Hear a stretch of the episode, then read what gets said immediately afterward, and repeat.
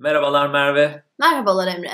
Podcast'imizin 3. bölümünde birlikteyiz. Bugün ne konuşuyoruz? Bugün edebiyat konuşuyoruz. O zaman hemen başlayalım mı? Başlayalım ama bugün biraz hazırlık yapıp da geldik. Evet yani geçenki bölümlerde gerçekten pek bir hazırlığımız yoktu. Ama yine bir şeyler söyleyebilmiştik. Bu sefer biraz daha hazırlandık. Çünkü yanlış bilgi vermekten korkuyoruz aynı zamanda da. Gerçi bilgi vermeye dayalı bir şey bir şeyden bahsetmeyeceğiz. Yani kendi sevdiğimiz yazarlardan ve onları neden sevdiğimizden, onları okumaktan neden zevk aldığımızdan bahsedeceğiz. Teorik bir bilgi sunmayacağız tabii ki. O zaman ilk sorumu sorayım mı yine sana? Sor. Edebiyat nedir? Ya hayır. bu soruyu kabul etmiyorum. Artık. Tamam şaka yapıyorum. Tabii ki bu soruyu sormuyoruz.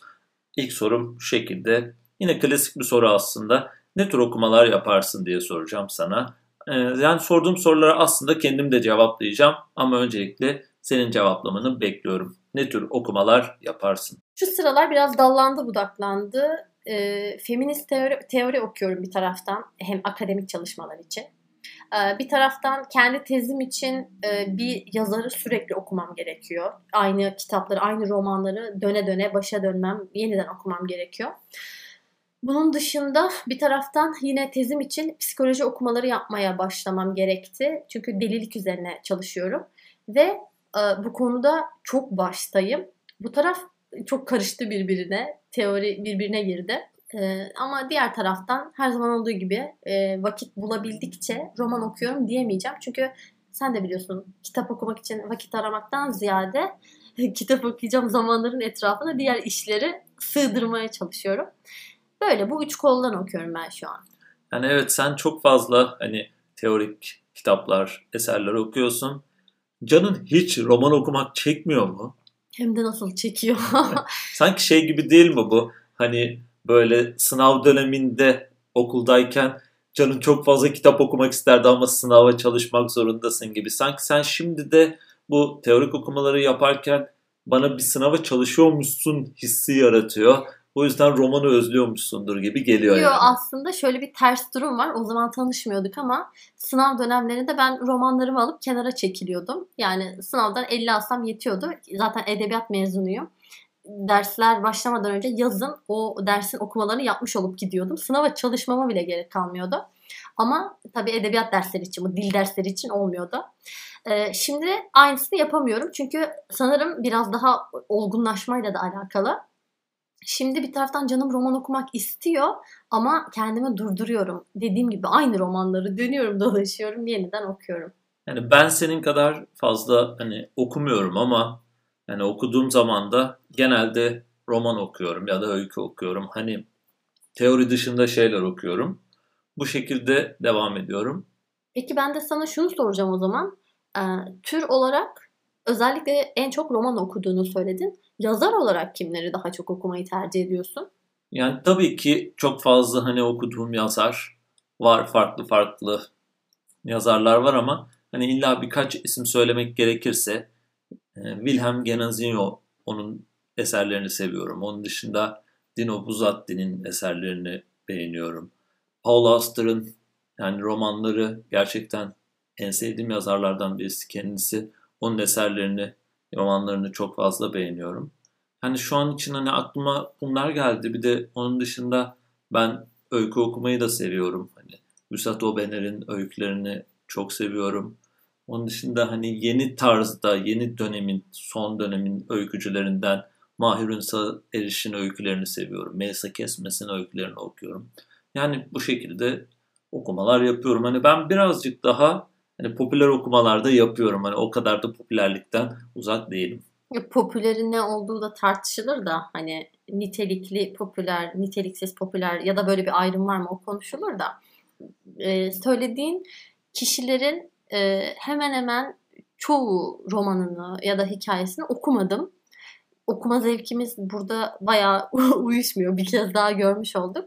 Ama okumamamdan farklı olarak bir tanesini ismini sadece senden duydum. Hatta telaffuz edemeyeceğim. Genazino mu? Genazino. Genazino. Evet. Ne hangi ülkeden bu? Abi, Öyle bir aşağıladım ki hangi ülkeden?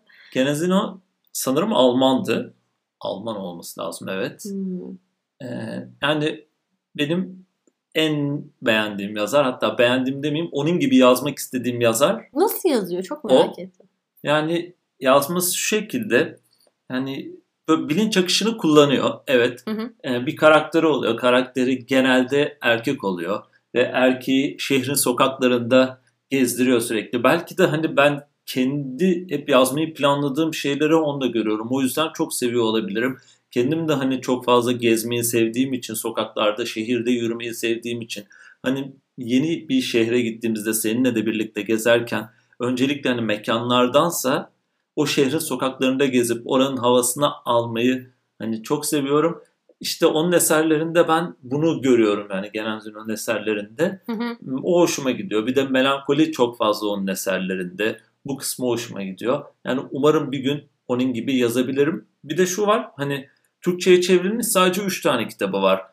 belki hani kitapların ismini söylediğimde tanıyanlar, daha iyi tanıyanlar olacaktır. Mutsuzluk zamanlarında mutluluk, bugün için bir şemsiye gibi bir de aşk aptallığı. Yani bu üç romanı var sadece Türkçe'ye çevrilmiş. Ama halbuki yanlış bilmiyorsam hani 17-18 tane eseri var onun hı hı. ve daha hala çevrilmedi yani. Bekliyoruz. Umarım hepsi çevrildi. Şey, romanların ismi bile melankolikmiş hakikaten. Evet yani. evet. Ben okuyamam herhalde o kadar melankoliye. Peki o zaman sana sorayım ben. Senin hani beğendiğin yazarlar. Ben biliyorum ama yani ya öylesine sorayım. Ya, her konuda olduğu gibi bu konuda da çok tutucuyum. Az yazarım var benim. Ama bu şu anlama gelmiyor. Mesela e, bir yazar çok büyüktür, çok güzel şeyler yazıyordur. Yani edebi eleştiri açıdan e, eleştirel açıdan hakkını teslim etmekle birlikte kişisel olarak zevk almak ayrı bir şeydir. E, benim kişisel anlamda kendimi romanlarının içine soktuğum, gerçi bu da çok gerekli mi tartışılır ama benim yazarım Dostoyevski. Dostoyevski ama şöyle bir durum var. Herkes Dostoyevski okuduğunu iddia eder zaten. Herkes işte bilindik belli eserleri vardır falan ama e, ben gerçekten böyle en dipte kalmış, köşede kalmış romanlarını aslında daha çok seviyorum. Sen de bütün romanları var mı Dostoyevski'nin? evet eşim doğum günümde almıştı. Hepsini mi aldı eşin? Hepsini aldı. Ben gerçekten, de parça parçaydı. Aynı Allah herkese senin eşin gibi bir eş nasip etsin diyorum. Amin diyeyim ne diyeyim. e, Dostoyevski'yi seviyorum. Onun dışında ee, sanırım içinde bir parça delilik olan yazarları e, seviyorum ben. Mesela Virginia Woolf'u seviyorum. Sanırım e, yaşadığı psikolojik buhranları romanlarında e, bulmak hoşuma gidiyor. Bir de şeyi seviyorum. Eğer bir yazarın günlüğü varsa günlükleriyle paralel romanlarını okumayı çok seviyorum. Mesela bunu en rahat Sylvia Plath'te yapabilmiştim. Çünkü günlükleri ve Sırça Fanus romanı birebir e, böyle kurguyla biyografisinin iç içe geçmiş hali, otobiyografisinin iç içe geçmiş hali. Mesela bunu okumak bana e, gerçekten o yaratım sürecinin nasıl e, değişimlerden geçtiğini falan gösteriyor. O hoşuma gidiyor gerçekten. Onun dışında Joyce'u seviyorum ama Joyce'un hiçbir e, romanını sonuna kadar okuyamadım ama kelimelerinin, cümlelerinin içinde dolanmak bile hoşuma gidiyor. Joyce'un hakkını ver, verebildiğim zaman okuyabileceğimi düşünüyorum. Yani sonuna o zaman gelebileceğimi düşünüyorum. Şeyi hatırlıyor musun? Joyce'un Dublin'lerini ararken bir kitapçı gelmişti bize bir şeyler söylemişti. Tam hatırlayamadım ben gerçi hikayeyi de. postmodern olmadığını iddia etmişti. Ha, ben doğru. de postmodern olduğu konusunda e, bir takım kanıtlar sunmaya çalışmıştım ama parodi kelimesi aklıma gelmemişti. e, Joyce'un işte bir takım e, efsanevi karakterlerden hareketle oluşturduğu günlük sıradan insanları ya da işte ne bileyim yeniden yazımlarını tarif edemedim parodi kelimesini bir türlü çıkaramadığım için ve eve gelince kendimi dövmek istemiştim. Çünkü orada kitapçı beni yendi ama ben haklıydım.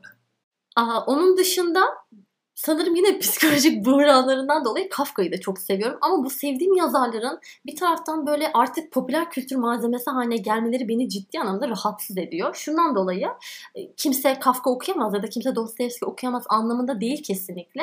Ama e, popülerleştikçe içinin boşaldığını düşünüyorum. Yani Kafka çorabı da olmasın diyorsun. ya aynen. Ondan- Mesela en büyük hayal kırıklığını Kafka Müzesi'ne gittiğimde yaşamıştım. Hatırlıyor musun? İçeride sadece birkaç işte kalem, defter ya da işte ne bileyim birkaç saçma hiç alakası olmayan ya da edebi kimliğiyle bağdaştıramayacağım birkaç gazete haberi görüp çıkmıştım. Evet hayal kırıklığıydı. Etkilendiğim tek bir şey vardı. Onu da demiştim ki gerçek Kafka okurları anlamıştır bunu. Ceza sömürgesinin içerisinde anlatan o uzun novella mı demeliyim, uzun hikaye mi demeliyim bilmiyorum. Ee, bir mekanizma vardı. Ceza anlatmayayım yani ayrıntılarını. O makinayı birebir e, yapmışlar küçüğünü minyatür bir şekilde. Mesela onu gördüğümde böyle ilk tüylerim diken diken olmuştu ama onun dışında çok boş bir iş yaptığımı düşünmüştüm. Ne işim var benim bu müzede diye. Ama genel olarak da hani ben bu müzeye gittiğimizi söylediğimde bana sosyal medyadan memnun kaldınız mı müzeden gibi sorular gelmişti. Herkes hayal kırıklığına uğramış Kafka Müzesi'nde. Herhalde birazcık da para kazanmak için yapılmış bir yer olabilir. Yani. Ee, sevdiğim bir yazar daha var. Aslında çok yazarım var da burada bahsedebileceğim bir yazar daha var. O da Proust. Proust da yine bir ara bir dizide Kayıp Zamanın İzinlerinin bir tane kitabı gösterildiği için böyle çok popüler. O kitap muhtemelen serinin sadece o kitabı çok sattı. Ee, Proust'un da o geçmişe takıntılı hali. Bunu da çok sağlıklı bir psikoloji midir o da tartışılır. Yine bir hastalık bulmuşum. Oradan tutmuşum herhalde. Ee, onun da o geçmişte olan takıntılı hali yine beni okuma konusunda çok kendine çekiyor. Bir şey sorabilir miyim? Tabii. Sende Proust'un bütün eserleri var. Evet eşimin hediyesi. Eşim her doğum günümde bana bir külliyat alır. Neyse. Devam edelim o zaman. Ben sana bir şey soracağım. Ee, bazen insanlar e, roman ya da hikaye severler, beğenirler ya da edebi olarak hakkını teslim ederler. Bu iyi bir esermiş deyip okurlar ama bazen de hayatımızın öyle bir noktasını okuruz ki o kitap e, çok farklı bir yeri olur. Senin hiç öyle kitabın, öyle romanın, öyle hikayen var mı? Yani evet yani tabii ki de çok var aslında öyle hikaye dönem dönem tam işte bu zamanda ilk şimdi okumuşum diyebileceğim. Hatta bazen belki çok güzel bir hikayeyi zamanında okuyamadığım için yani bir romanı o zaman okumadığım için o romanın kötü olduğunu bile düşünebiliyorum. Hı hı. Gerçekten romanların da zamanı olduğunu düşünüyorum. Yani mesela ben Tatar Çölü'nü okuduğum zaman, o Dina Buzatli'den onu okuduğum zaman yani o kadar çok kendimden bir şeyler bulmuştum ki hani aklıma zorunlu hizmetim gelmişti. Yani zorunlu hizmetimde yaşadıklarım, bu tarz şeyler. Bu mesela hayatımla çok bağdaştırmıştım. Ben birazcık kendi hayatımla bağdaştırabildiğim romanları sanırım hani daha fazla seviyorum.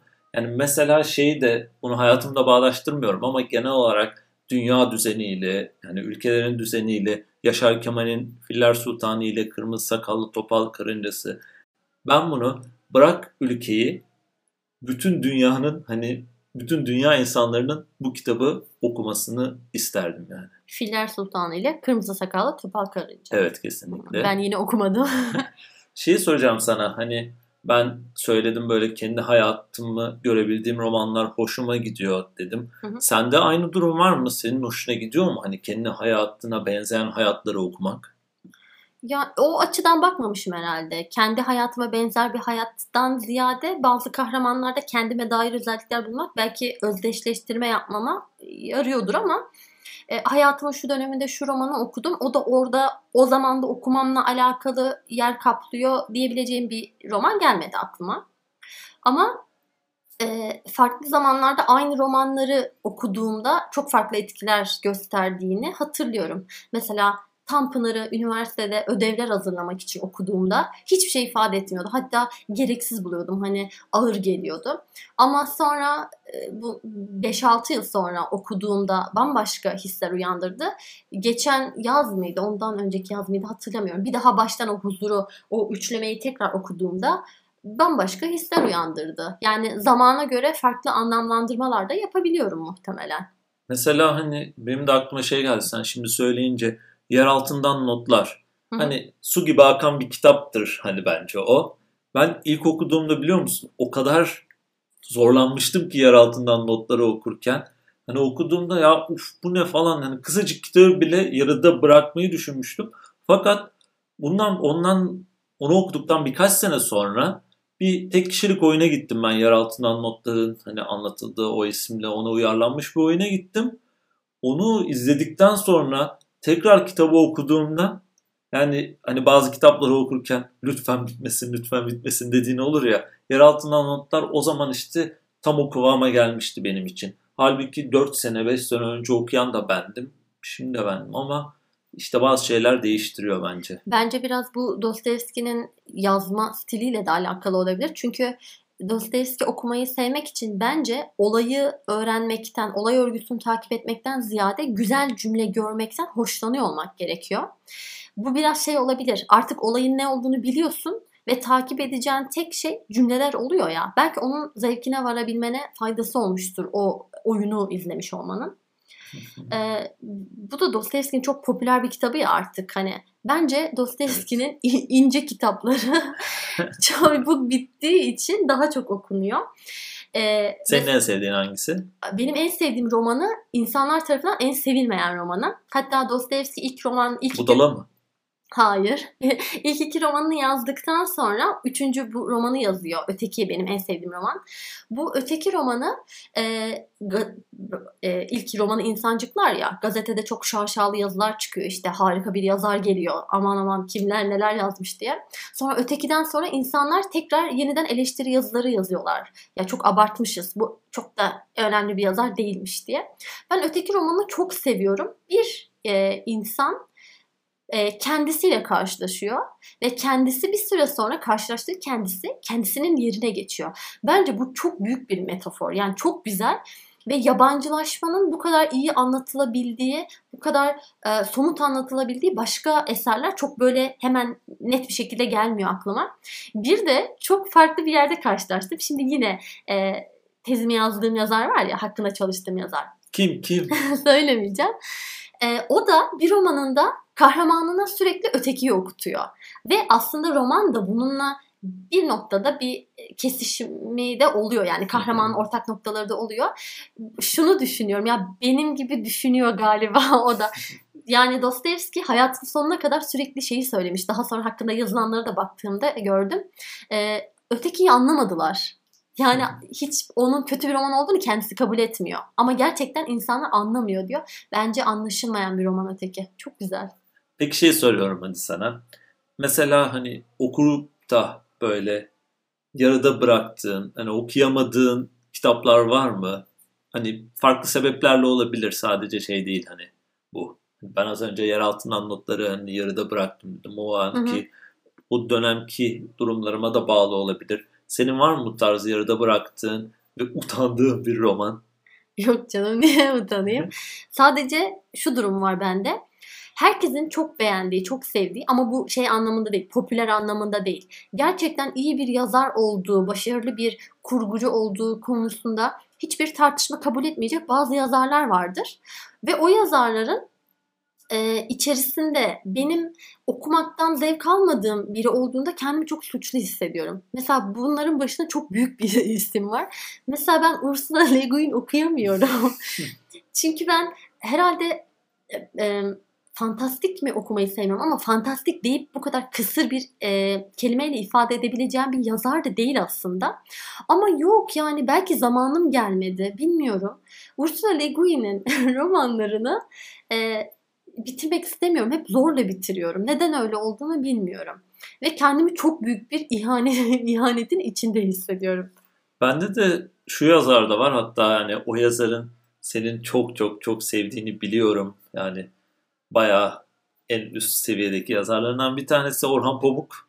Hani Aa. hep derler ya Orhan Pamuk'un eserlerini okurken uf dayanamadım bıraktım gibisine. Böyle bir şey yok bende.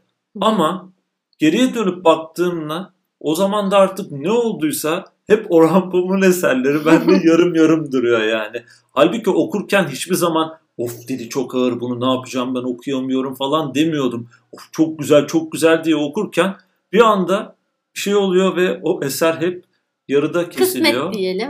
aynen aynen. Yani Orhan Pamuk da çok tartışmalı yazarlardan biri ya. Bir taraftan burjuva olması çok eleştiriliyor. Bir taraftan... Merhaba Boğaçı. bir taraftan bu e, Nobel ödülünü çok hak etmeden aldığı konuşuluyor. Benim büyük romancılarımdan biri. Ben romanlarını çok seviyorum. Ama mesela hep e, biraz romantik tarafı ağır basan Masumiyet Müzesi ile çok ön plana çıkıyor ama onun somut bir müzesi var sonuçta ve gerçekten bence e, güzel bir girişim. Hı hı. Ama e, mesela benim en sevdiğim romanı Cevdet Bey ve Oğulları. E, çok şeydi ya hacimli bir roman ve e, hiç sıkılmadan, hiç e, ara vermeden okudum. Ben Orhan Pamuk okumayı çok seviyorum. Sadece Kırmızı Saçlı Kadın'da biraz hayal kırıklığı yaşadım. O Orhan Pamuk stili gelmedi bana. Yarıya kadar çok iyiydi. Kuyu metaforu üzerinde genişleyen kısım çok iyiydi. Ama olay o kırmızı saçlı kadına girdiğinde sanki Orhan Pamuk okumuyorum başka biri yazdı gibime geldi. Bilmiyorum zaten o da ilk başta romanın ilk kısmını yayınlamayı düşünüyormuş. İkinci kısmını sonradan eklemiş. O zaman ben şunu düşünüyorum. Ben gerçekten Orhan Pamuk'u anlıyormuşum diye düşündüm. Nobel ödülünün sonuna kadar hak ettiğini düşündüğüm bir yazar. Gurur duyuyorum yani. Eleştirmenler de gerçi senin gibi düşünüyor. Hani son dönem eserlerinin Orhan Pamuk'a hani yakışmadığını mı diyeyim ya da hani Orhan Pamuk gibi olmadığını düşünüyorlar hani son dönem eserlerinin. ilk yazdığı romanların çok çok çok iyi olduğunu söylüyorlar. Ya bunu mesela ben hiç somut bir şekilde ifade edemem. Mesela orayı neden sevmedim? Hani hiç bunu anlatamam. Ya da şöyle de söyleyebilirim. Mesela orada biraz daha e, ilişki üçgeni vardı ve bu bana bir roman için en basit şey geldi. Yani bir ilişki üçgenini anlatmak kolay bir e, durum geldi. Ben sanki ben çok yazıyorum ya. Ama ilk baştaki mesela kuyu metaforu ya kitabın yarısında sadece ve sadece bir kuyu kazılıyor ve ben bunu okumaktan zevk aldım. Oradaki aşk ilişkisi hiç ilgimi çekmedi. Yani orada biraz daha genele mi hitap etmeye çalışıyor anlamadım. Yani çok satan yazarların da bir takım e, ikilemlere düşmesi de normal olabilir. Bilmiyorum. Orhan Pamuk'a bir şey söylemek istemiyorum hiç. Peki popüler edebiyat hakkında ne düşünüyorsun? Hani bize böyle gözümüze sokulan edebiyat hakkında ne düşünüyorsun? Mesela kim isim verebilir misin?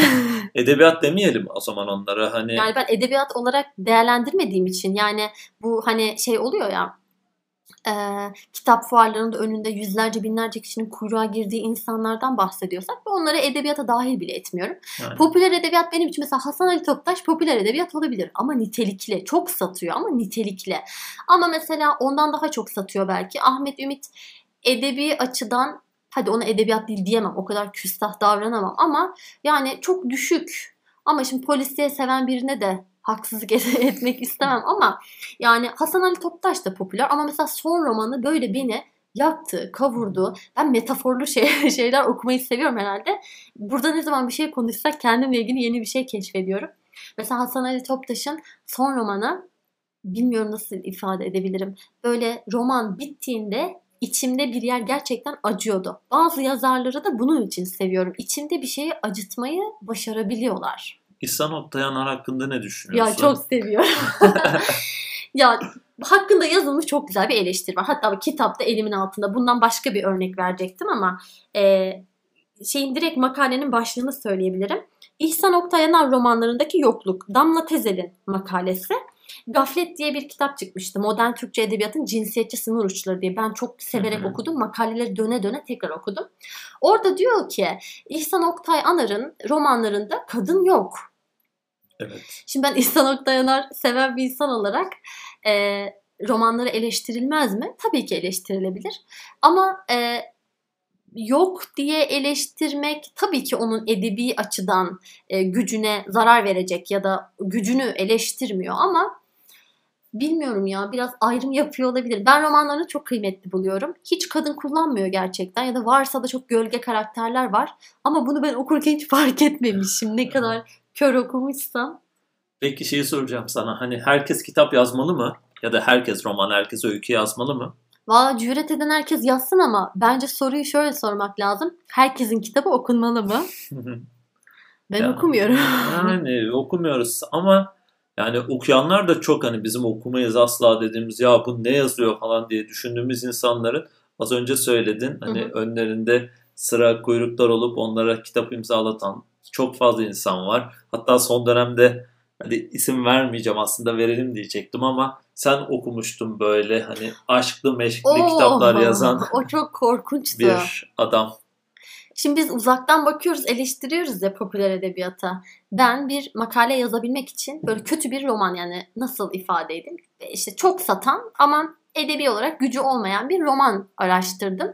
E, tweet atmıştım. Gelen öneriler üzerine bir tane buldum, okudum. Ben böyle bir şey görmedim. İnsanlar buna nasıl tahammül ediyorlar? Ama yani öyle böyle değil. Yani bir karakter var, bir erkek karakter var. Bütün süper güçler üzerinde toplanmış. Ya o zaman bu fantastik bir roman olsun. Gerçeklikle bağ kurmamızı bekleme. Biz de bunu okuyabilelim. Sonuçta romanda gerçekçi olmak zorunda değilsin. Ama sen bize gerçek bir hayat sunuyorsun. Ama bu kadar tesadüfler bir araya geliyor. Yani bunu Ahmet Mithat Efendi Tanzimat döneminde yapıyordu da acemilik diyorduk. Hani roman yeni geliyor Osmanlı'ya diyorduk. Ama sen 2020 yılında yapma artık yani. İçerisinde cinsiyetçi ifadeler de çok fazlaydı. Ölümcüldü. Yani ama bu çok satan romanların çok ortak noktası zaten. Yani aşık kadın, güçlü erkek ve işte bu toksik ilişkiler.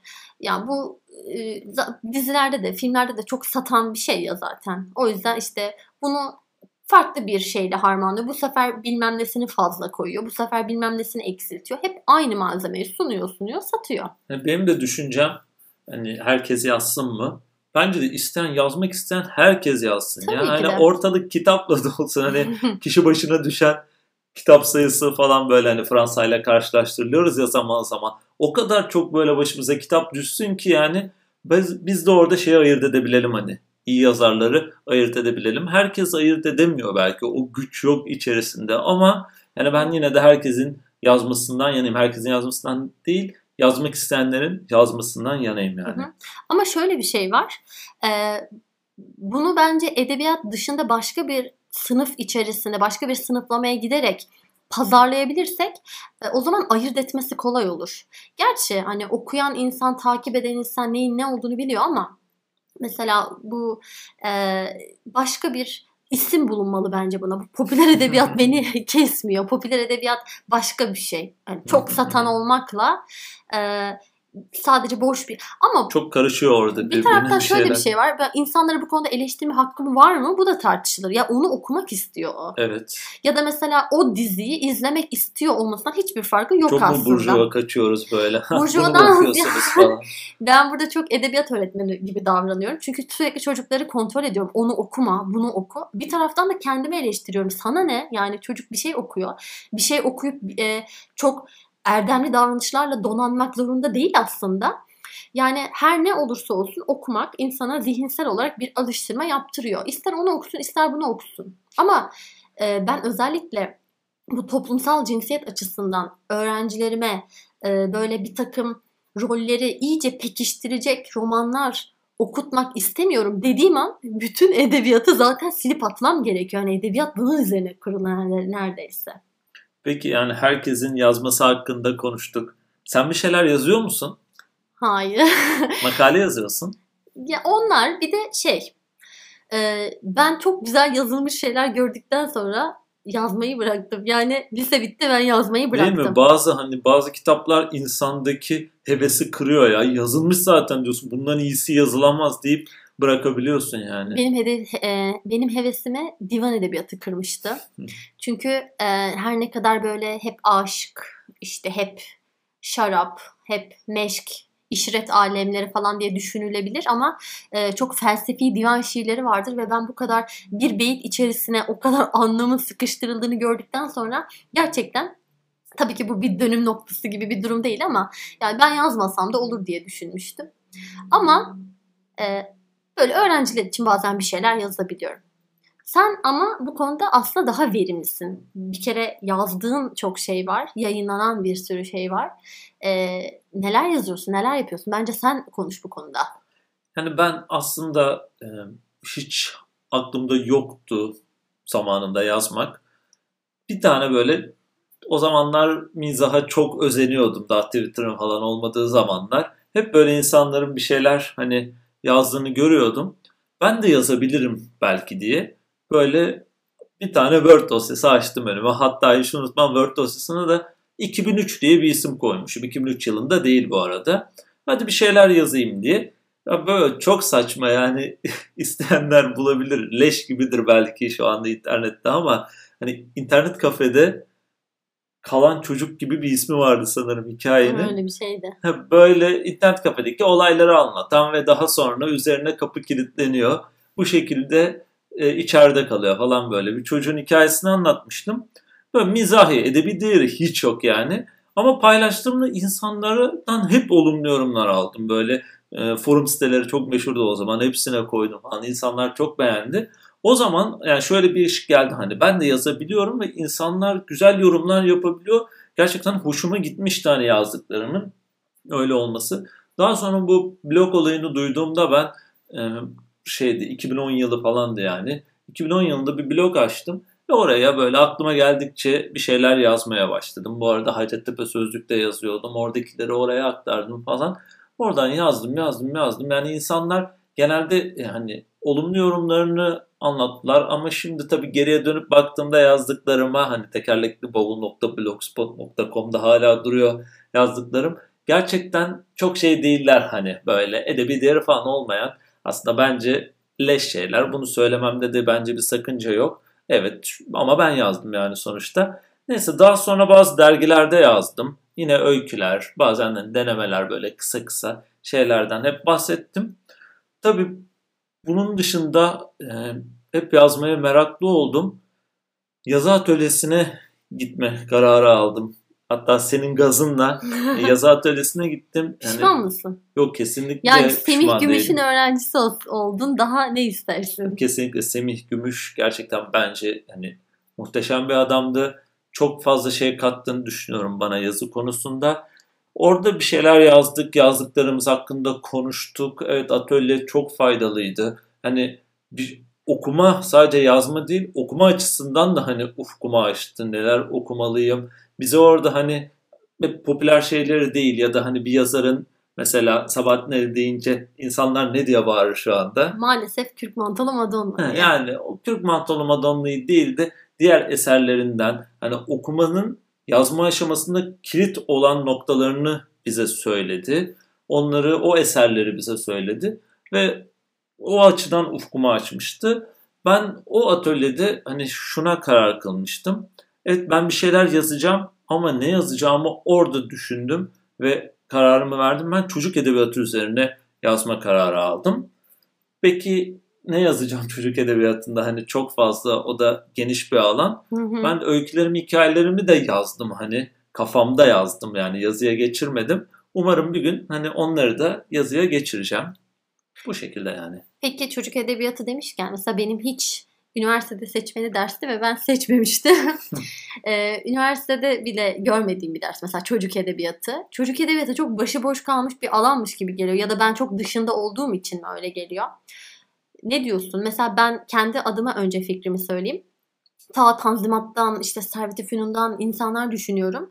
Çok önemli sanatçılar önemli yazarlar ama çocuk kitapları da var. Yani hep bir kenarda tutmuşlar çocuk edebiyatına. Sanki bugün aynı hassasiyet yok gibime geliyor. Sen ne düşünüyorsun? Hani hep şey olarak bakılıyor. Çocuk edebi, edebiyatı yazmak hani çok kolay olarak bakılıyor. Evet. Halbuki bence en zorlarından belki bence en zorudur çocuklara yazmak. Hani çünkü bir şekilde yazdığını büyüklere yazdığın şeyleri, yetişkinlere yazdığın şeyleri yetişkinler bir şekilde okuyor. Hani alıcısını buluyor ama çocuklar okumaz yani. Bakar şöyle bir 5 sayfasını okuduktan sonra atar bir kenara çocuk. Çocuklar için onların ilgisini çekebilecek, onların sevebileceği şeyler yazmak çok çok daha zor. Yani dünya edebiyatına baktığımda yani çocuk edebiyatı olarak evet çok fazla e, güzel eserler var. Hani yazarlar var ama Türk Edebiyatı Türkiye bu açıdan birazcık daha kısır. Hani çocuk edebiyatı deyince aklımıza belki hani 5 tane isim geliyor. Daha fazlasını sayamıyorsun. Yani Beyçak diyorsun, Sevmak diyorsun, Mavisel Yener diyorsun. Daha fazla hani birkaç isim daha söyleyebilirsin. Daha, daha sonra ileri gidemiyorsun. Bu ülkemizde hani eksik olduğunu düşündüğüm bir konu olduğum için de kendim o tarafa yöneliyorum. Ki şöyle bir avantajım da var. Ben yazdıklarımı öncelikle hani kendi öğrencilerime anlatıyorum. Hikaye böyle böyle böyle diyorum. Onların hani onların gözünde o ışığı görüyorum. Eğer beğeniyorlarsa devam ediyorum. Hikaye çok güzel deyip onlar da eleştirebiliyorlar bir şeyler katıyorlar ya da öğretmenin burası kötü olmuş deyip çıkartabiliyorlar. Yazar olarak da hani dünyada çok popüler yazarlar var çocuk edebiyatında. Hani benim en beğendiklerimden bir tanesi Andrew Clements var birkaç ay önce vefat etti o da. Onun mesela bunun adı Findle falan gerçekten e, mükemmel bir kitaptı. Diğer kitapları da Sıfır Oyunu, o Karne Oyunu diye bir kitabı var. Hı hı. Onlar da gerçekten e, çok güzel kitaplardı. Yani çocuk edebiyatı hakkında söyleyeceklerim bunlar. Umarım çocuk edebiyatında da çok fazla eser üretilir ülkemizde. Çünkü sen de biliyorsun ki okuma alışkanlığı çocukluktan başladığında çok daha farklı boyutlara gidebilen bir alışkanlık. Yani benim de öğretmenlik aşamasında çocuklara katmak istediğim en büyük şeylerden bir tanesi o. Peki bir şey soracağım. Burada yine öğretmenliğinle alakalı bir şey soracağım. Ben çok sıkıntı yaşadığım bir mesele bu. Mesela ben bir roman öneriyorum öğrencime. Sonra anne baba, e, ebeveynler bana bir şikayetle gelebiliyorlar. Mesela bu romanda bu geçiyor hocam. Bunu niye okuttun çocuğa diyebiliyorlar. Sansür gibi mi? Ee, ne bileyim bazen bir cinsel içerik olabiliyor. Bazen bir küfür olabiliyor. Yani ben kendi velilerimle bu konuda çok sıkıntı yaşıyorum. Yani romanların insanlara e, ideal bir hayat sunduğunu sanıyorlar. Yani edebiyatla iştigal olmak, mükemmel hayatlarla tanışmak sanıyorlar. E, sen çocuk kitaplarında böyle sıkıntılar yaşıyor musun? Tabii tabii yaşıyorum yani. Tabii ki okutacağım şeyin içine hani bir bakıyorum kesinlikle böyle tepki çekebilecek şeyler var mı diye. Hani sadece ailenin tepkisini değil çocuk edebiyatında e, çocuk edebiyatı of basittir deyip geçemiyorsundur. Belki ben sana geçenlerde hani bir kitap gösterdim. Kitapta yan kesici falan böyle hırsız gibi onların böyle gösterildiği bir e, görsel vardı. Hani bu yaştaki çocuklar onu görmesin hani kitaplarda çok daha güzel şeyler var bence görmesi gerektiği. O zaman farklı yerlerden bakıyoruz. Yani sen görmemesi gerektiklerini düşünüyorsun. Ben görmesi gerektiklerini düşünüyorum. Çünkü var. Yani, Yani çocukları bundan izole bir şekilde yetiştirmeli miyiz ki? Seninle benim hani yaş farkı çok fazla Hı hı. öğrencilerimiz Evet. arasında. Belki bilmeyen vardı. Ben lise edebiyat öğretmeniyim. Sen Evet. sınıf öğretmenisin. Aynen yani ben ilkokulda hani görmeye de bilir diyorum. Sen tabii görmesi gerektiğini düşünüyorsun. Ben de senin gibi düşünüyorum bu arada. Yani en azından e, muhatap olması gerektiğini düşünüyorum. Zaten bunun ayırdına varması için biraz da o romanları okuyor diye düşünüyorum. Şimdi Merve Hocam konuştuk. Gayet iyi. Ba- bayağı konuşacağımız kişi vardı ama yetmedi. Ama ben senden Çok uzadı. yani beni tatmin etmeyen bir şey var bu yayında. Ne var? Çok yazar ismi söylemedin bize hocam. Şimdi yani biz ne okuyalım? ya ne, ne okuyalım sarısını kabul etmiyorum zaten. Bir kere kadın yazarlara giremedim ben. Ee, Girin. Hani sizin Çok alan- zaman ilerledi ya mesela Lispector'dan, Bahman'dan, işte Latife Tekin'den, Adalet Ağoğlu'ndan falan bahsetmeyi planlıyordum ama bence kadın yazarlar için oturalım ayrı konuşalım. Çünkü edebiyat erkektir.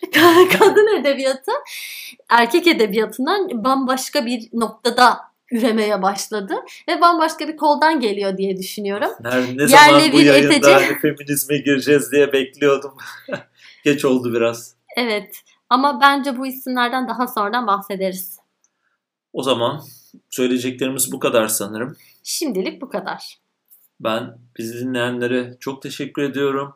Lütfen bizi hangi platformdan dinliyorsanız abone olun, takip edin ya da herhangi bir şeyler yapın diyorum. Kendinize dikkat edin diyorum. Dünyanın en sıkıcı podcastini dinlediğiniz için size teşekkür ederim.